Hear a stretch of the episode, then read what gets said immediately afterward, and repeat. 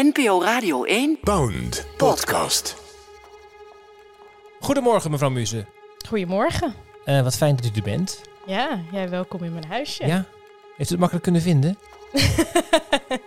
nou ja, ik woon hier nog maar sinds eerste week januari. Dus af en toe. En ik heb hier een straat verder gewoond. En een straat hierachter gewoond. Dus af en toe loop ik nog wel eens naar de verkeerde voordeur. Maar eh, nee, ik heb het kunnen vinden. Sollicitatiegesprek met de minister-president.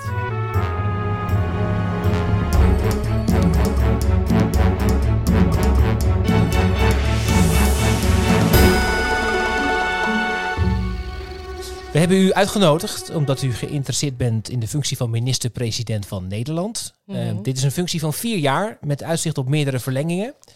Startdatum van deze functie ligt ergens tussen half maart en de zomer van 2021. U was hiermee bekend? Ja, dat vind ik toch wel intimiderend. Ik heb nog nooit eh, voor een werkgever gewerkt. En dan. eh, Dan toch in één keer voor de Rijksoverheid. precies, dan toch Ja. in één keer voor de Rijksoverheid. Eh, mijn naam is Bram Douwens. Ik ben voorzitter van de commissie Douwens. Dat is de sollicitatiecommissie voor de minister-president van Nederland. De rest van de commissie is hier niet aanwezig, maar luistert dit gesprek terug.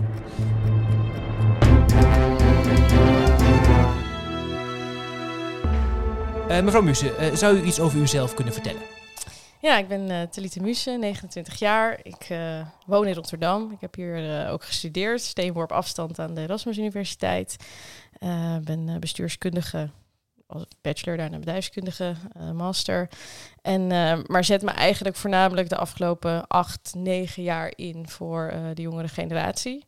Dus ik heb uh, onderzocht eigenlijk in de praktijk bij organisaties hoe uh, de jonge generatie kijkt tegen werk en tegen zingeving en naar maatschappelijke thema's. En um, het afgelopen jaar vooral dat heel actief gedaan tijdens deze coronacrisis door uh, de jongere belangen te vertegenwoordigen in de afstemming van het, van het coronabeleid, de aanpak van het coronabeleid. Ja, daar heb ik natuurlijk zo meteen nog een aantal vragen over. Ja. Um, Meteen met de deur in huis. Waarom bent u geschikt als minister-president van Nederland? um, ik, wat ik heel erg heb gemist uh, de afgelopen periode is uh, visie. Hè? Dus een langer termijn. Ik denk dat dit een uh, hele fundamentele tijd is waarin we leven. Met een klimaatcrisis die op ons afkomt. Maar ook de wijze waarop technologie ons leven beïnvloedt. En onze samenleving beïnvloedt.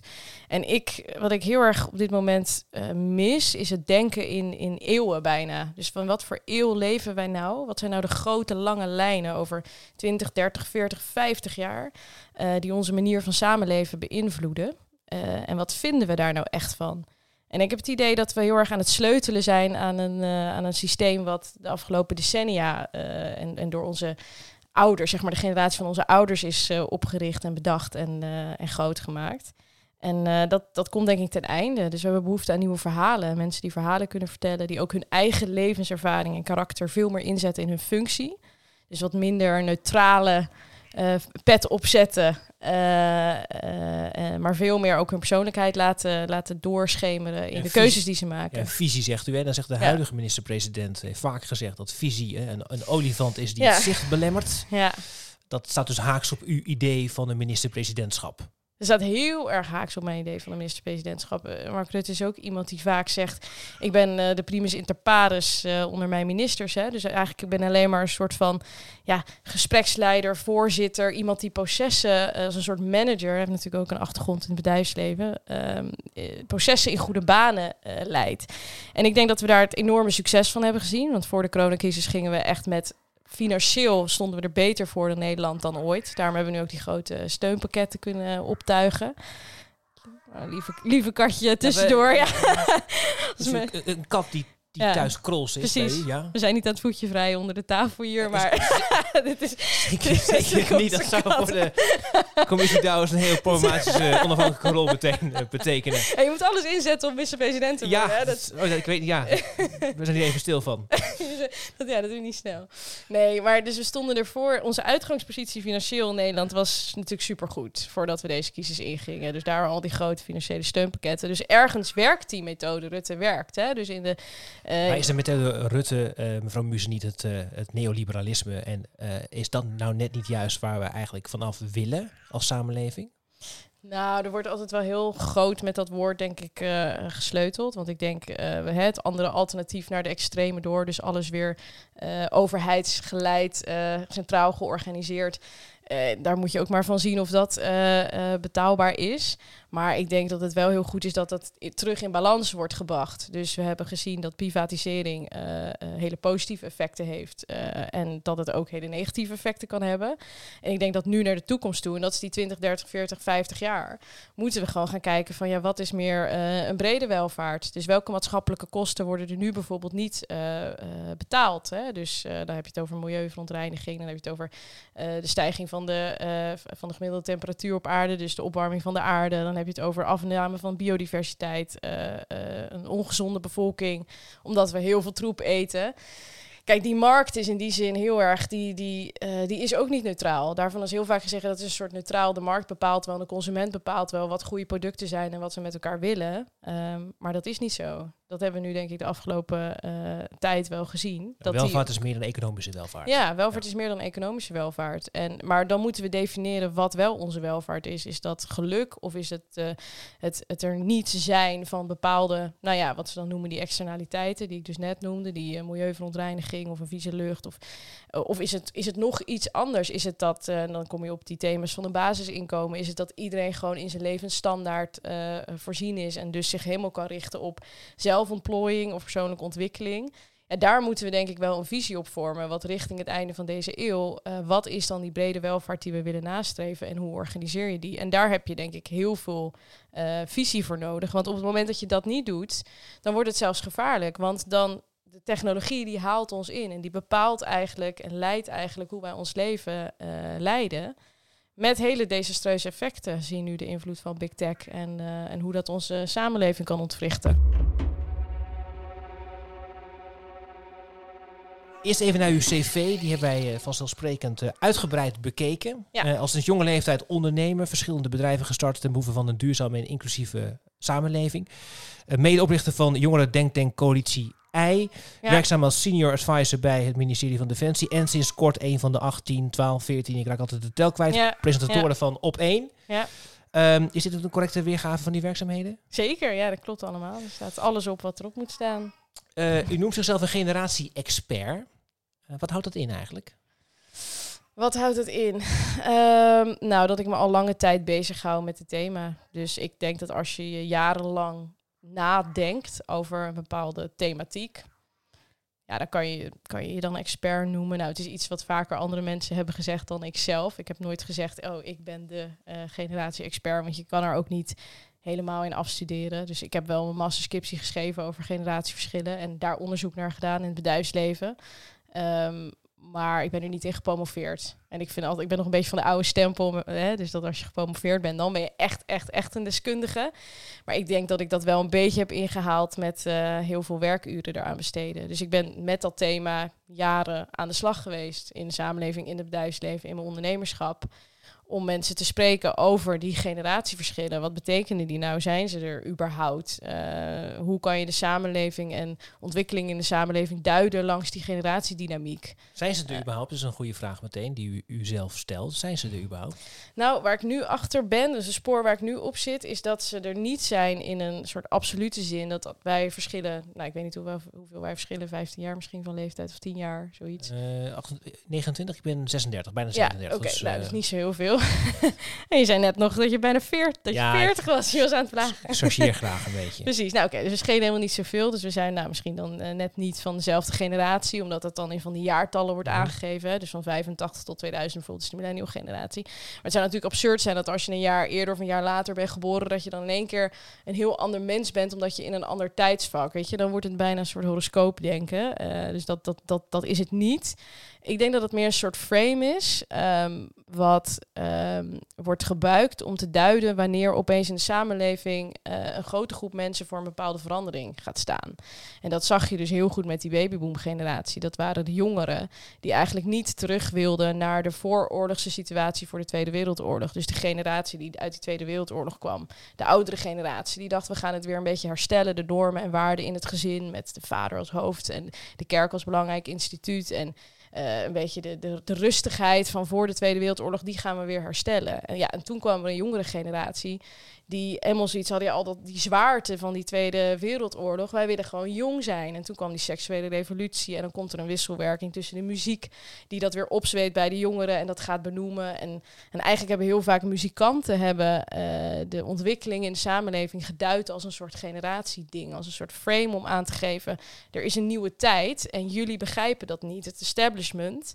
Je kan ook zeggen generaties is establishment denken versus ehm, het denken over vernieuwende krachten in de samenleving. En waar nu- komen die vandaan? Ja, u bent nu eh, een van de voormensen, voorvrouwen, aanvoerders van de millennials. ja. Wat is zo'n millennial nou eigenlijk? Nou ja, dus eh, zo een millennial is, eh, dat zijn de twintigers en dertigers van nu. Hè? Dus dat zijn toch jij en ik, eh, opgegroeid in die welvarende jaren negentig en met de verhalen van de jaren negentig. Dus inderdaad wel over neoliberalisme en over de vrije markt. En het, het leek in eind jaren negentig, er kwamen ook die boeken over het, dus het einde van de geschiedenis. de grote beslechting tussen communisme versus kapitalisme en de liberale democratie versus meer tyrannieke eh, staatssystemen. En daarvan zeiden we, nou, liberale democratie en kapitalisme hebben gewonnen. Die zijn de eindoverwinning, die brengen iedereen in de wereld de meeste welvaart. Ja, en nu zien we dat dat verhaal eh, niet meer helemaal klopt. Want daarna kregen we financiële crisis en kregen we klimaatcrisis. En nu hebben deze ontwichtende situatie die ook laat zien dat nou ja, onze instituties als Europa en andere grote instituties eigenlijk niet zoveel voor ons kunnen betekenen. We hebben weer opkomend nationalisme. Dus we hebben de vluchtelingenproblematiek gehad. Dus die heeft eigenlijk laten zien dat, dat, dat heel veel van dat denken wat tot en met einde jaren negentig eh, als een huis stond, wat er onze ouders in geloofden, eh, dingen die heilig waren, dat die eh, niet, die antwoorden in die tijd zijn niet meer de antwoorden op de vraagstukken van de komende eeuw. En dat geeft onze generatie, denk ik, de uni- unieke positie. Want wij komen nu in de meest effectieve fase van ons leven. We zijn uit de studieperiode. We gaan nu echt in het werkende leven staan. Onze gezinnen groot brengen en bestuurlijke macht krijgen. Ja, dit wordt rete interessant voor onze generatie. Van wat gaan wij dan doen? Welke antwoorden gaan wij formuleren op de uitdagingen van de toekomst? Daarom moeten wij ook zo snel mogelijk aan de macht Ja, als millennials. En daarom een millennial president. Juist. Ja, Ehm, duidelijk. Ehm, eh, tijdens ehm, eh, deze coronacrisis neemt u het inderdaad eh, op voor de jongeren. Eh, en daar zitten we toch nu middenin, in de coronacrisis. En dat Mhm. duurt ook, eh, vrezen wij als commissie Douwers, Ja. eh, nog wel even voordat we helemaal uit, Ja. zijn. Ik citeer u eventjes. U heeft bijvoorbeeld gezegd in een interview... Ik word overspoeld door e-mails van jongeren die vinden dat besluiten over hun hoofd heen worden genomen. Ja. Bij wie de weerstand tegen de coronamaatregelen groeit, die hun vertrouwen in de media en de autoriteiten verliezen. Die het alles in combinatie met een flinke economische recessie. Daar maak ik me echt zorgen over. Dat is slecht voor de sociale cohesie. Dat zijn flinke woorden. Wow. Nou ja, kijk, ik denk dat bij die coronacrisis wel een paar dingen heel erg zijn uitvergroot. Dus de positie van jongeren voor de coronacrisis was niet al heel erg fijn. Hè? Dus met schulden en eh, nou, eh, eh, weinig vooruitzicht op een pensioen en de klimaatcrisis. Nou, al dat soort problemen. Dus je kan zeggen, die positie van de jongeren, dat was al niet al te best. De woningmarkt, nou, nog een paar dingen. En toen kwam die coronacrisis. En dan zie je eigenlijk als je niet aan tafel zit. En dat geldt voor heel veel groepen. Hè. Dus er hebben heel veel groepen niet aan tafel gezeten. Bij het bepalen van het, eh, het hele pakket aan coronamaatregelen. Maar dan zie je wel dat naarmate de tijd doorgaat, dat die jongeren zo'n ondergeschikt belang zijn, ja, dat je inderdaad er wel van kan spreken dat over de hoofden van jongeren eh, de rekening van deze coronacrisis is neergelegd. Zowel de financiële rekening als gewoon de vrijheidsbeperkende maatregelen. Terwijl het een groep is die weinig risico loopt. En dat is nog te verantwoorden als je daarbij duidelijk zegt van oké, jullie maken inderdaad een enorm offer voor die oudere generatie en voor die kwetsbaren. Ehm, maar daar moet, wat, daar moet wat tegenover staan. Dat zien wij dat jullie dat offer brengen. En waar mogelijk gaan we helpen jullie lijden te verzachten. En waar de, denk ik die botsing in zit, is dat dat überhaupt niet genoemd mocht worden. En daar kwam op een gegeven moment ook denk ik de frustratie. En ook bij mij in, in mijn tweets en in mijn uitingen ging ik inderdaad de botsing opzoeken. Omdat ik het gevoel had dat als je in redelijkheid als jongere zei... Laten we even kijken naar de proportionaliteit van wat hier gebeurt en of het wel eerlijk oversteken is. Wij brengen een offer, maar er komt niks terug. Ehm, dan word je uitgemaakt voor iemand die ouderen wil vermoorden en doorhoudt. En word je gelijk op één stapel gegooid met viruswaarheid. Ja, lezen? en dat is, ehm, nou, dat is vrij bizar. Ja. Hè? Dus je komt eigenlijk op voor je belang. En Wat dan zou er moeten gebeuren, mevrouw Mussen? nu in het Ja. coronabeleid. Ja, in het coronabeleid. Ehm, nou, ik denk dat je, je moet gewoon zeggen, we gaan eh, eh, bijvoorbeeld voor de zomer of in de zomer gaan we echt versoepelen naar compleet normaal.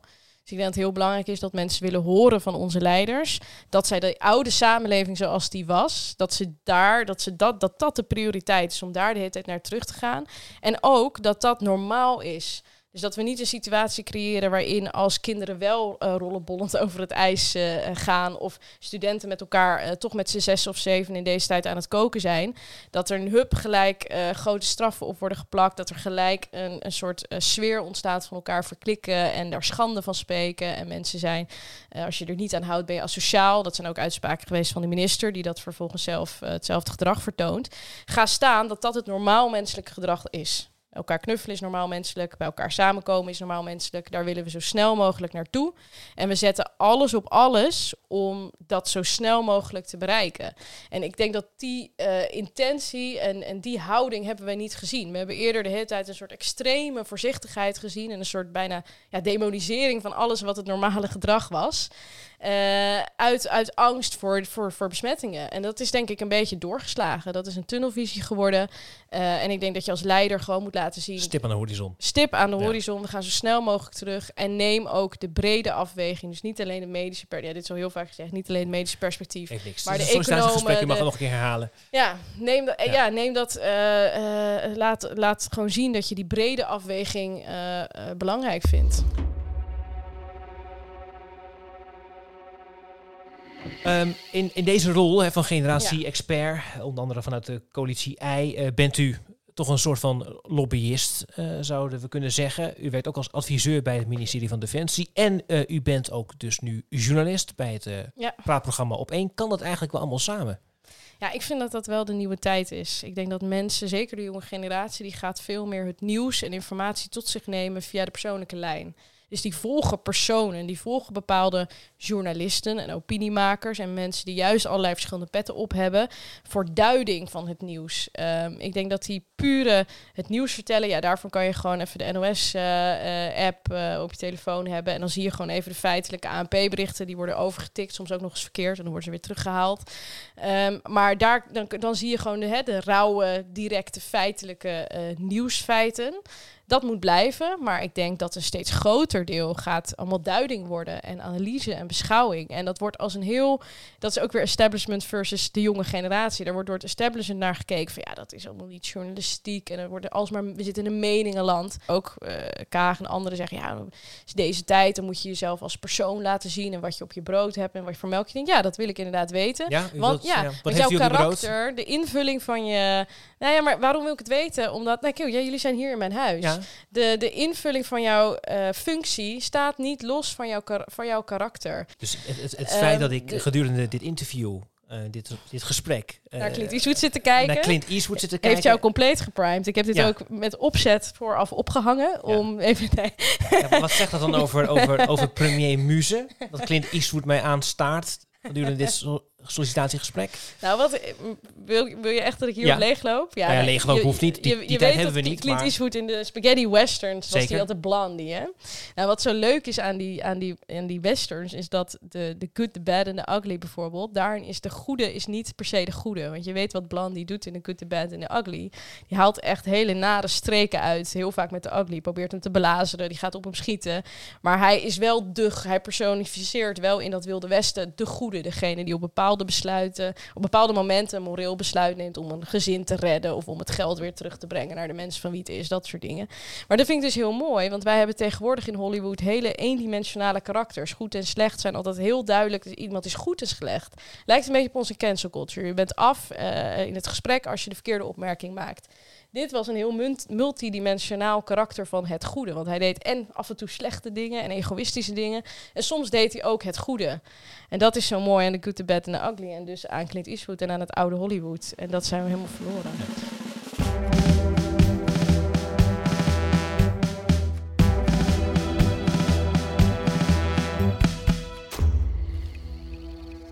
Muze, eh, morgen bent u premier van Nederland. Wat pakt u als eerste op?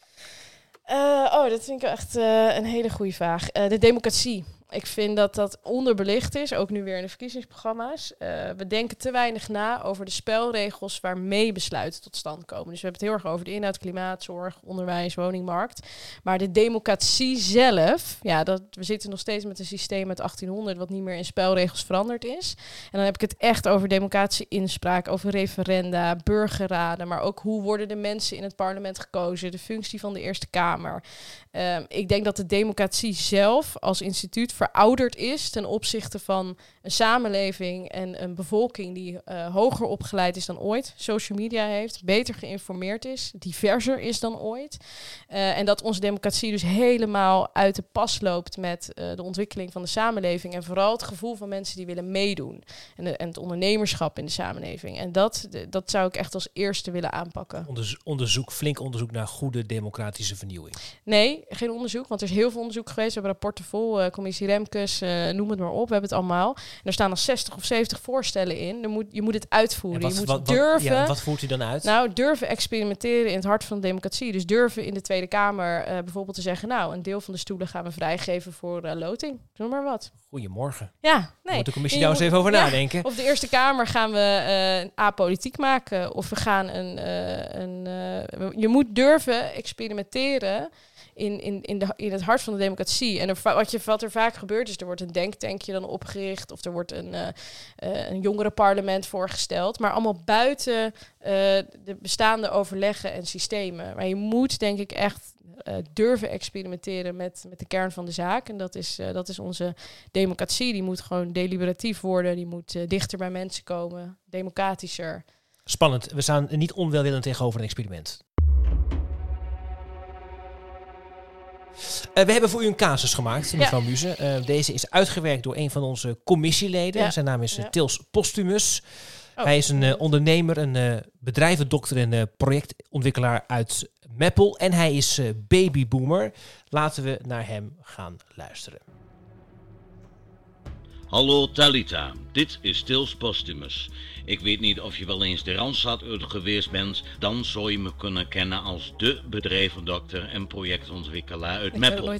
Vanuit mijn credo, we gaan weer geld verdienen, tevens de titel van mijn boek, heb ik al menig crisis weten te gebruiken.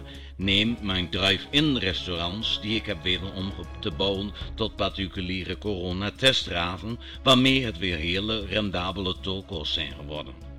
Ik ben niet alleen inventief ondernemer, maar ook boomer. Aangezien voor de millennial iedereen van boven de 45 daartoe behoort, draag ik dit als een geuzennaam. Want, beste Talita, hebben jullie niet een heleboel aan ons te danken? Zijn het niet de boomers geweest die hebben gezorgd dat jullie in een gespreid bedje terecht zijn gekomen? Honderdduizenden avocado's gaan er bij jullie doorheen. Die zijn er niet zomaar. Dat zijn infrastructuren die wij hebben aangelegd. Als ik jouw commentaren her en der lees, denk ik dan ook, wat hebben wij jou misdaan? Wat, waarom dat boemetje pesten? Waarom misgun je ons ons AOW'tje en ons pensioentje zo, waar wij zo keihard voor hebben gewerkt? Met vriendelijke groet, Tils Postumus. Uh, Mevrouw Muze, uw reactie. Ja, dit is echt briljant. Ja, en, en, en vanuit, zijn, vanuit zijn beleving ook helemaal waar. Hè? Ik denk ook echt dat, en, en, en het is ook feitelijk waar, dat je alles te danken hebt aan de generaties voor je. Per definitie. Dat is, dat is gewoon hartstikke waar. Dus het is, ook, het is namelijk ook echt bizar uh, dat dankzij die vorige generaties een, een, een, een meisje zoals ik, met een migratieachtergrond, uh, al pratend, uh, ik ben nog onder de 30, ben 29 jaar, ik woon eigenlijk in die zin net van de universiteit, al pratend haar werkende leven vorm kan geven en daar nog geld aan kan verdienen ook. Ja, dat is een bizarre welvaart en luxe. Ik, in geen enkel ander tijdperk had, had, had iemand zoals ik kunnen bestaan, zeg maar. Wat een mooie woorden, mevrouw ja. ja, nee, dus dat geeft bescheidenheid. Dat inderdaad, al, hè, dus mijn hele bestaan is gewoon te danken aan wat de vorige generaties aan welvaartsniveau hebben opgebouwd. Alleen ik denk wel dat als je daarin blijft hangen, hè, dat zeggen ze wel, stilstand is achteruitgang. De reden juist dat dat zo is, dat ik heb gekregen wat zij hebben gekregen, is dat hun ouders daarvoor ook weer die sprong vooruit hebben gemaakt en ontevreden waren met de bestaande. Ik denk dat als je te tevreden wordt met het bestaande als samenleving, ja, dan word je een soort Italië en dan blijf je leven in de ruïnes van, eh, soort, van, van de Italië. ja, ja, ja, dan blijf je zo, weet je, dat is ook mooi. Dan blijf je wonen in de ruïnes van, Ah. eh, van, het, van het verleden. Ehm, maar je moet, je moet vooruit. Je moet denk ik als samenleving, eh, en daar zijn we Nederlanders heel goed in, uiterst ontevreden zijn. Kijk, de erkenning van het feit dat de, dat de boomers hebben gezorgd Mhm, voor dat mhm. wij nu kunnen doen wat wij willen. Ik denk dat dat ook wel gedeeld wordt.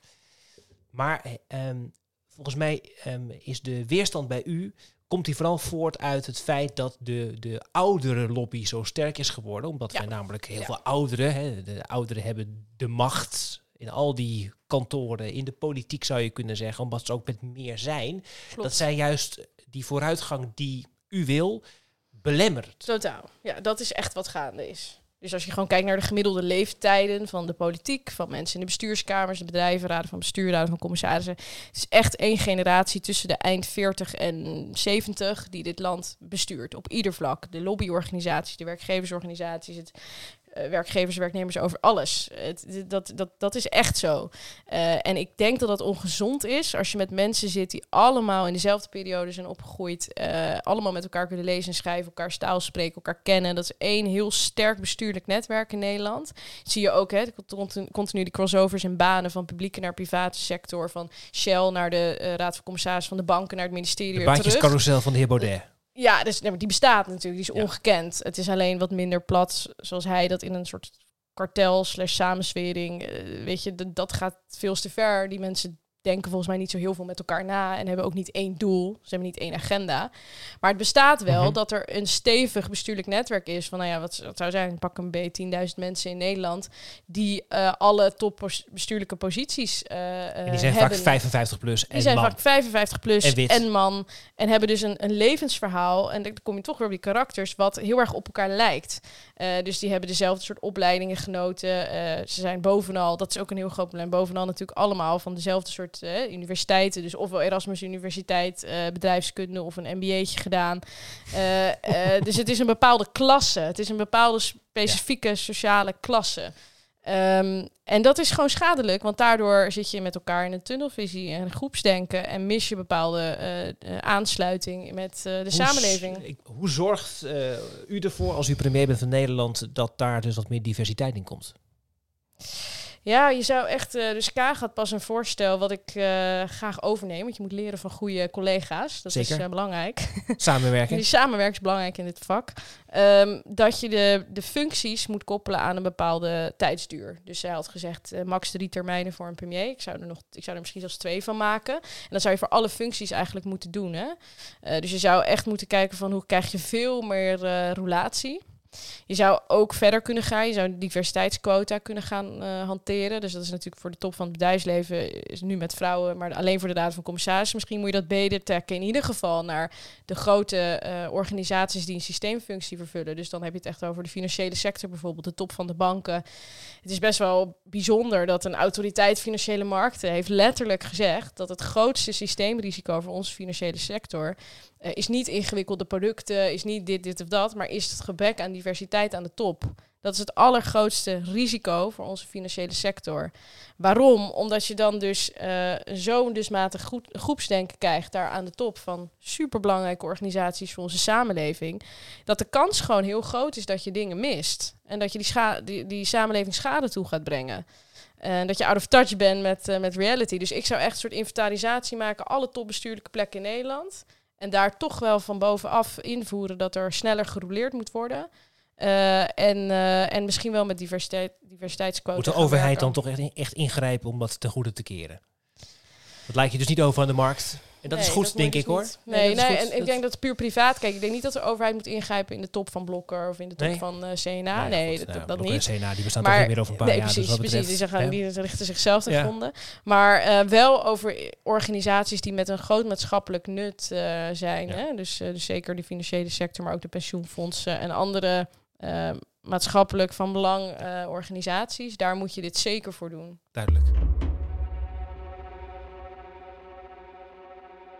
Ja. U bent christelijk opgevoed. Ja, Eh, uw vader is dominee. klopt. Bent u gelovig? Ja. Gaan we daar last mee krijgen? Nee, ja, hoe zou je daar last van kunnen krijgen? Nou ja, misschien Nee, dat er een ja. bepaalde... ehm, juist wat minder progressieve ideeën in uw hoofd zijn ten opzichte van euthanasie, abortus, voorrechten voor Ja, het dat land. klopt wel zeker. Ja. Ik heb wel altijd een soort van eh, spanning eh, die ik voel tussen dat ik aan de ene kant heel progressief ben met diversiteit en met ondernemerschap en met in het klimaatdebat. En ik ben heel erg voor, voor vernieuwing en de jonge generatie. En aan de andere kant ehm, heb ik inderdaad ook waarden meegekregen waarin ik in sommige debatten als inderdaad abortus, euthanasie, eh, zit ik echt meer aan een soort iets, iets zit ik aan een behouden kant. Ja, daar loop ik niet voor op per se in de, in de ontwikkelingen daarin. Dat klopt. Als minister-president is het ook belangrijk om een goede klik te hebben met het land. Eh, we laten u zo Ja. meteen drie historische audiofragmenten horen eh, uit de vaderlandse geschiedenis. We willen dat u elke keer zo open, eerlijk en spontaan mogelijk op reageert. En ik moet ze ook kunnen herkennen. Dat is noodzakelijk voor een premier, lijkt mij. Shit. Komt de eerste. De glimlach van een kind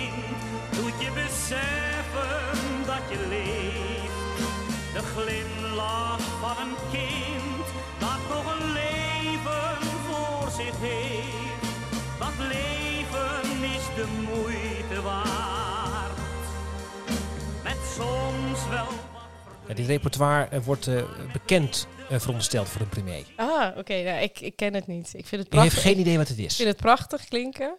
Dit is Willy Alberti. Oh. De glimlach van een kind. Oké, nee, ken ik echt niet. Nooit van gehoord. Nee, Ik ben ook Ai. helemaal nul met Nederlandstalige muziek Ja, opge... Dat is wel essentieel dat u daar toch wat dan in bijschoolt. Ja, dat, ja, waarom is dat eigenlijk Ja, dat is, essentieel? een premier is van het volk, hè, van het land. ja. Die moet zeker weten wie Willy Alberti is. Ga ik toch eerst even opiniepeiling uitvoeren. Hoeveel van de mensen naar Nederlandstalige muziek luisteren? Als dat de meerderheid van het land is, dan ga ik me erin verdiepen. Anders is het een minderheid en dan... Ja, u, komt je toch ook voor de minder, u komt toch ook op voor de minderheden, mevrouw Musse? Nee, dat Wat wil een zeggen- schokkende Eh, opmerking is dat. Hier maken we een aantekening van, dat natuurlijk. hè? Zeker. Nee, maar ik denk dat... Ik, ja, is het, nee, ik ben het helemaal met je eens. Je moet eh, de vaderlandse geschiedenis moet je heel goed eh, kennen. Er staat ook achter u een heel mooi boek over de vaderlandse geschiedenis in de kast. Van de? Ja, Ook gelezen? in, begon, in begonnen. Eh, nee, maar ik, Nederlandse muziek, ja, daar ben ik helemaal niet mee opgegroeid. Ik weet alleen, er staat een paard in de gang. En ik ken alleen het dorp. Van en, Wim eh, Sonneveld. ja, van Wim en eh, dat is da- iets- daar houdt het zo ongeveer eh, op. Daar ligt nog een opdracht voor u. Ja, daar ligt zeker een op. We gaan naar het volgende fragment. Dikke BMW. Dikke BMW, jongens. Nee. Oh! Oh! Oh!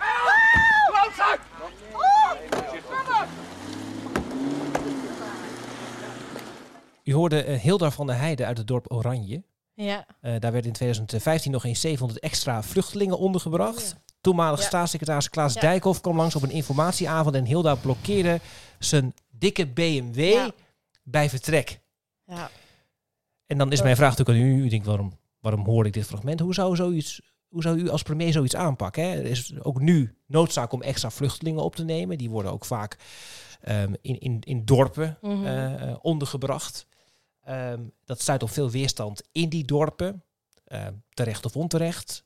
Maar hoe gaat u met zulke sentimenten om als premier? Ja, in ieder geval niet mensen uitlachen. Dus we hebben wel heel erg de neiging om dan eh, eh, stukjes te knippen van mensen op straat of in een buurthuis of zo, die dan eh, helemaal overstuur zijn omdat daar vluchtelingen komen. Maar het is wel hun straat of wijk of, of nou ja, kleine samenleving, gemeenschap waarin dat gebeurt. Heel vaak niet die van de bestuurders. Eh, dus daar zit, wel ook, daar zit dus wel echt, eh, denk ik, ook die kloof. Hè? Dus je, als bestuurder neem je beslissingen waar je zelf niet de effecten van draagt. Omdat je in een afgeschermde, niet reële werkelijkheid zit van chauffeurs en eh, overleggen en eh, mooie lunches en eh, internationale tripjes. Dus je hebt totaal niets te maken met... Dat is heel raar. Ik, Joris Luijendijk heeft wel eens gezegd over het bankensysteem. Want daar zie je diezelfde distantie. Dat bankiers beslissingen maken over het leven. wat gewoon impact heeft op het spaargeld van mensen. Eigenlijk zou je moeten zeggen op het moment dat je negatieve effecten veroorzaakt met jouw besluiten. Dan moet er ook een soort malus zijn. Dus niet alleen een bonus van je werk. Maar dan moet je gewoon worden gekort in je salaris of zo als premier. Of dan moet je, ja, wordt je auto afgepakt een jaar of zo, zoiets. Ehm, dus ik denk dat, dat die invoeling, het is, dit heeft echt denk ik te maken met, met een, een distantie van, je, van jouw werkelijkheid als, als, als politicus en de fysieke werkelijkheid van mensen. En daar moet je dus niet om lachen. Ook niet belachelijk maken. Eh, misschien moet je zeggen, ik ga een week daar wonen of zo bij die vrouw. Ik ga daar een week bij haar wonen en zelf kijken hoe het is om s'avonds laat langs een, een asielzoekerscentrum te lopen. Of je jezelf dan veilig voelt of niet. En hoe dat dan zit ik denk dat je daar gewoon onderzoekend en eh, empathisch eh, dat tegemoet uh, moet treden. Want dit gaat niet weg. Dit blijft, dit blijft een heel grote spanning in de samenleving geven. En het is het vraagstuk, denk ik, ook wel voor de komende tijd. Hoe je, ga je om met nieuwkomers en, en hoe leef je met elkaar samen? Goed. We gaan naar het laatste ja, dat is een goed antwoord. Ja, wat jammer, want ook op het scorebord uh, zien we gewoon helemaal de verkeerde tijden lopen. Want dan zien we dat uh, Kramer zelfs 27 seconden sneller zou zijn dan Lee. Nou, dat kan natuurlijk absoluut niet. Wat raar dat hier nu die tijdwaarneming nee, wacht eens even, ze rijden, rijden ze in dezelfde baan. Allebei in de buitenbaan. Inderdaad, ze ja, rijden allebei. Nee! Nou, dan hoop ik maar één ding. Wat gebeurt hier? En dan hoop ik maar één ding, dat het niet Kramer is die het foutje gemaakt heeft. Nee! Maar, oh, oh, nee! Oh, oh. Ze rijden in dezelfde baan. Sven Allebei Kramer, in de buitenbaan. Wat heb je gedaan? Zou Kramer een fout hebben gemaakt? Ja, dit is de beroemde verkeerde wissel die zijn trainer uh, verkeerd aangaf. Uitstekend. Ja, ja dat Ja. is wel heel pijnlijk. Ja, ja u moet dit, Schrikkelijk. ja dat is, dit is exact de reactie waarop de commissie Douws had gehoopt. Ja, Met vlag en wimpel komt u door dit laatste ja. fragment ik heen. ben er nog steeds stuk van. Ja, ik Helpt dat het nog? Ja, ik ben nog Ja, steeds echt Het- geraakt. Een traan biggelt langs u. Precies, precies. Dan de arbeidsvoorwaarden. Eh, u werkt fulltime, eh, vaak ook in de avonden en in de weekenden. In het voorjaar, de zomer, de herfst en rond de kerstdagen heeft u in principe steeds een periode vrij. Maar een virusuitbraak, een economische crisis, een terroristische aanslag eh, kan roet in het eten gooien. Dat is geen probleem, neem ik aan. Nee, dat is geen probleem. Ik heb niks om achter te laten. Het, eh, het salaris is om en nabij de 170.000 euro, inclusief vakantiegeld en eindejaarsuitkering. Top, ja. Ehm, tot slot vragen we u nog snel te kiezen uit twee opties. Eh, doet u uw ogen maar dicht, bijvoorbeeld. niet nadenken vooral en kiest u op gevoel. Oké. Pusher of pleaser? Pusher. Talkshowtafel of boardroom? Oeh. Boardroom. Henk Krol of Jan Slachter? En Krol, die vind ik zo leuk. Zo gezellig. Sneakers of pumps? Rot op. Goed antwoord. De green, de green Deal of het fortuinisme? Oh, dit is zo gemeen. Oh, dit vind ik zo erg. Oh, sorry Pim. Dan toch de Green Deal. Ja, ik vraag het laatste. Ik vraag het laatste eh, en dat is ook... eh, kijk, uw karakter, mevrouw eh Muze... Ik, we hebben u flink in u verdiept natuurlijk. Ja. eh, is, is interessant. Hè? U bent... eh, het eerste beeld wat de commissie Douwers van u had toen u optreedt... is dat u zeer progressief bent. Ja. Eh, eh, en dan kwamen wij natuurlijk achter dat u christelijk bent opgevoed... en dat misschien wat conservatievere denkbeelden heeft. Helemaal niet problematisch, laat het duidelijk zijn. Maar dat is gewoon iets wat het beeld van u weer iets anders maakt. En toen eh, eh, lazen wij ook nog dat u geïnspireerd bent door de heer Fortuyn... om Ja. de politiek in te gaan. Ja. En dat is dan toch een beetje... eh, staat toch wat haakser op het beeld wat ik aanvankelijk van u had. Kunt u dat nog even toelichten voor ons? Want Pim Fortuyn vond toch andere dingen dan u vindt. Ja, ik. maar het was, je zegt dus terecht het fortuinisme. Dus het heel erg de stijl die van politiek bedrijven die hij heeft gebracht. Ehm, dat vond ik echt fantastisch. Dus om als klein kind naar die televisiedebatten. En daar was eindelijk iemand, weet je, dan zag je daar die dijkstal en die melkert zitten. Dus de, echt het complete vertegenwoordigers van de oude politiek. En dan zat hij daar echt met zo'n glimlach en joviaal en extravagant in die kleding. En gewoon bam, bam, bam. Weet je, die schuwde gewoon geen harde taal. En die, eh, ik, dat, toen dacht ik, ja, dat is echt, dat wil je. Dat is een Ontregelen personality. ook eigenlijk, Ont- een Ja. ontregelend effect. Maar ook denk ik wel opkomend voor een terecht geluid. Hè? Dus ik vind niet dat we dat, dat, dat, dat die kiezers zijn in die zin nog steeds thuisloos in de zin van de politieke macht. Ik vind het een beetje onzin dat we dan zeggen van ja, ze, hebben, ze komen nergens tot hun recht. Dus worden heel veel aandacht volgens mij voor het rechtse geluid en voor het anti-migratiegeluid, ook in de media. Alleen het is wel zo dat qua politieke macht ze de, ja, de VVD pakt dat niet op die manier op zoals zij dat natuurlijk graag zouden zien. eh, Anti-EU en kritisch op migratie en multiculturele samenleving. Dus dat heeft nog steeds niet ergens die, die politieke macht gekregen. Ehm, maar los daarvan, ik denk dat die stijl van Fortuyn, ja, dat sprak mij heel erg aan. Dat was gewoon een, dat was het toch? Het was een sensatie. En als je daar dan als kind naar kijkt, ik in ieder geval, eh, mij trok het. Ik ben daardoor zelfs aan de Erasmus Universiteit gaan studeren, want hij was daar eh soci- sociologieprofessor. En op een gegeven moment was bij zo'n eh, rondleiding op die campus, zeiden ze, in dit lokaal heeft Fortuyn les gegeven. Ja, toen was ik gewoon om. Toen was ja, daar, dan, daar moet ik zitten. Dus ehm, dat. Het is Ja. ons duidelijk, mevrouw Muze. Dank u wel voor uw tijd. Heeft u nog vragen aan ons?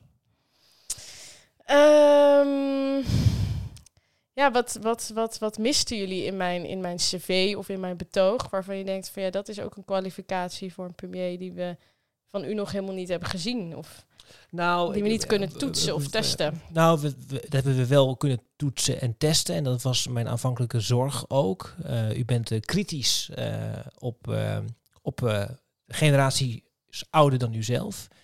Maar u weet ook wel wat minder volgens mij van wat dat die generaties bezighoudt op cultureel gebied. Dus eh, mijn zorg, of onze zorg als commissie Douwes, hè, de, we dachten al toen we Willy Alberti lieten horen dat u dat niet zou kennen. Nou, dat is bewaarheid geworden. Is op dit moment geen probleem. Eh, Mijn aandachtspunt. dat is echt een heel erg serieus aandachtspunt, inderdaad. Dat u zich toch gaat verdiepen in nou ja, televisieprogramma's, ook van de jaren 60 en 70. Ja. Muziek, jaren 70, jaren 80. Om even wat context te geven ook aan ja, de worsteling misschien van de oudere generaties in deze tijd. Wat ze missen, wat ze graag zouden willen zien. Dus als we iets kunnen meegeven nog, hè, we, we gaan, wie zegt dat u premier van Nederland wordt, dat is erg onduidelijk op dit moment. We hebben heel veel gesprekken te gaan de komende weken. Maar eh, mocht u het worden en wilt u zich alvast voorbereiden, dan kunt u daar al eigenlijk al in gaan investeren vanaf nu eigenlijk. Mooi. Ja. Kijk ernaar uit. Goed zo, dank u wel, nogmaals. Bedankt. Sollicitatiegesprek met de minister-president.